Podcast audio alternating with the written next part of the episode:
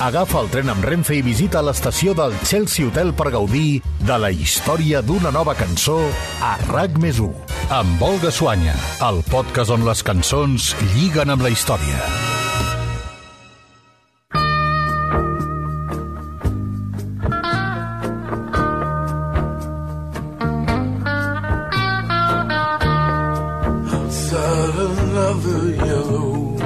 Tom Waits és un músic tan difícil de catalogar com complicat és descriure la seva veu, però ens agraden els reptes, així que en aquest episodi del Chelsea Hotel mirarem d'apropar-nos-hi una mica a través d'una de les seves cançons.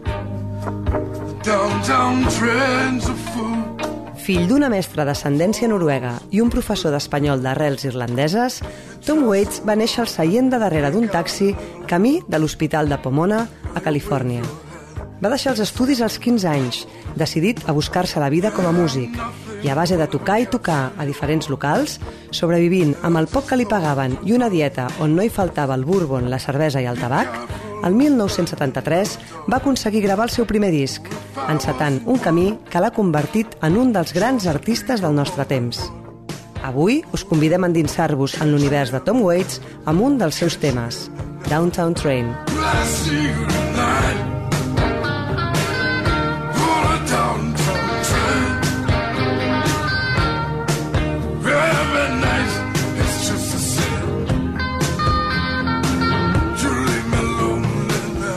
El músic californià sempre ha reconegut que sent una fascinació especial per l'imaginari ferroviari, una connexió que explica que li ve d'haver crescut en llocs per on hi passava el tren i que li porta molts records d'infantesa. No són poques les seves cançons que tenen un tren com a element central, i Downtown Train n'és segurament la més coneguda. Diuen que aquest és un dels temes més mainstream de Waits, potser perquè té certa reminiscència pop i un estil força allunyat dels estàndards de jazz i blues que solen marcar les seves creacions.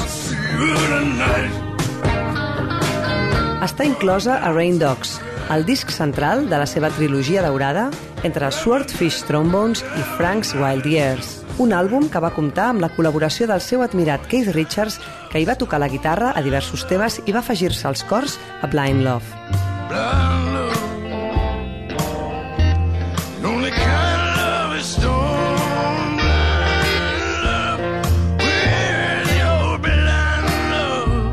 Waits va escriure la major part d'aquest àlbum la tardor de 1984.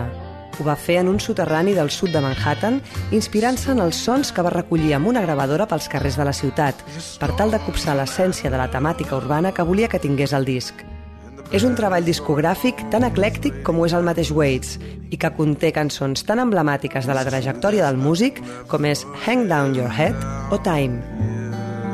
And it's time time, time. It's time, time, time. Però, sens dubte, el tema de Rain Dogs que més popularitat ha assolit, especialment per les versions que se n'han fet posteriorment, és Downtown Train. Ambientada al cor de Nova York, en aquesta peça el músic ens explica una història que passa al voltant d'un dels elements clau d'aquest paisatge urbà, el tren que porta al centre.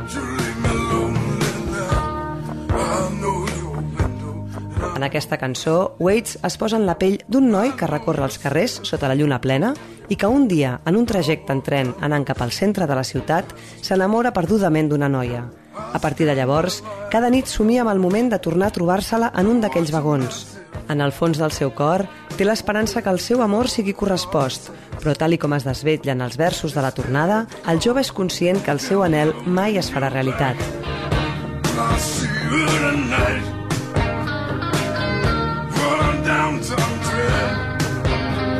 Aquest és un tema llançat a mitjans dels 80, en ple boom dels videoclips musicals.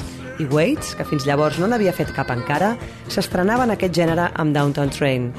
L'encarregat de posar contingut visual a la composició va ser el director francès Jean-Baptiste Mondino, que aquell mateix any es va encarregar de la realització del vídeo de Slave to Love de Brian Ferry o de Russians de Sting.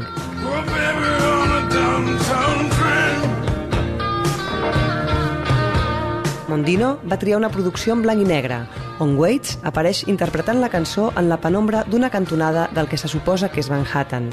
Al llarg del vídeo s'intercalen escenes d'imatges molt suggerents referents a la història que s'hi relata, i entre elles, el realitzador va voler introduir-hi un protagonista addicional, algú que no surt referenciada a la lletra de la cançó, però que té una forta vinculació amb l'illa novaiorquesa, el boxejador Jake LaMotta. Set to go here. Schedule 15 round World Middleweight Championship. There's Jake LaMotta.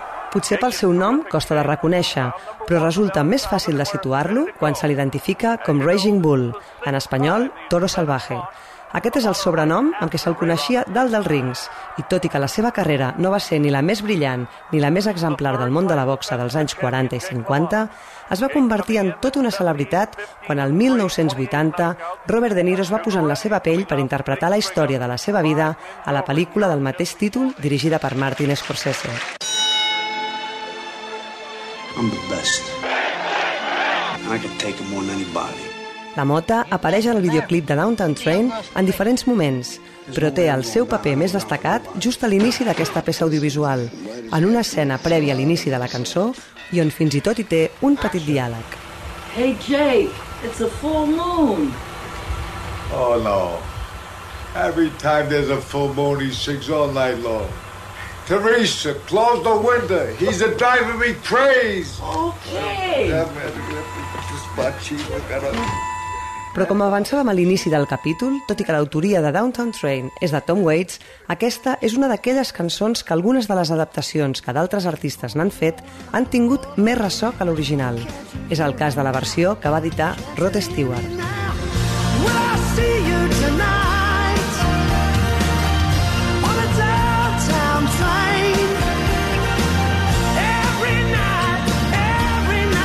Aquesta proposta més melòdica i passada pel sedàs de l'estil particular del cantant britànic acompanyat de la guitarra de Jeff Beck, Stewart no només va aconseguir situar Downtown Train al tercer lloc de les llistes americanes, sinó també una nominació als Grammy.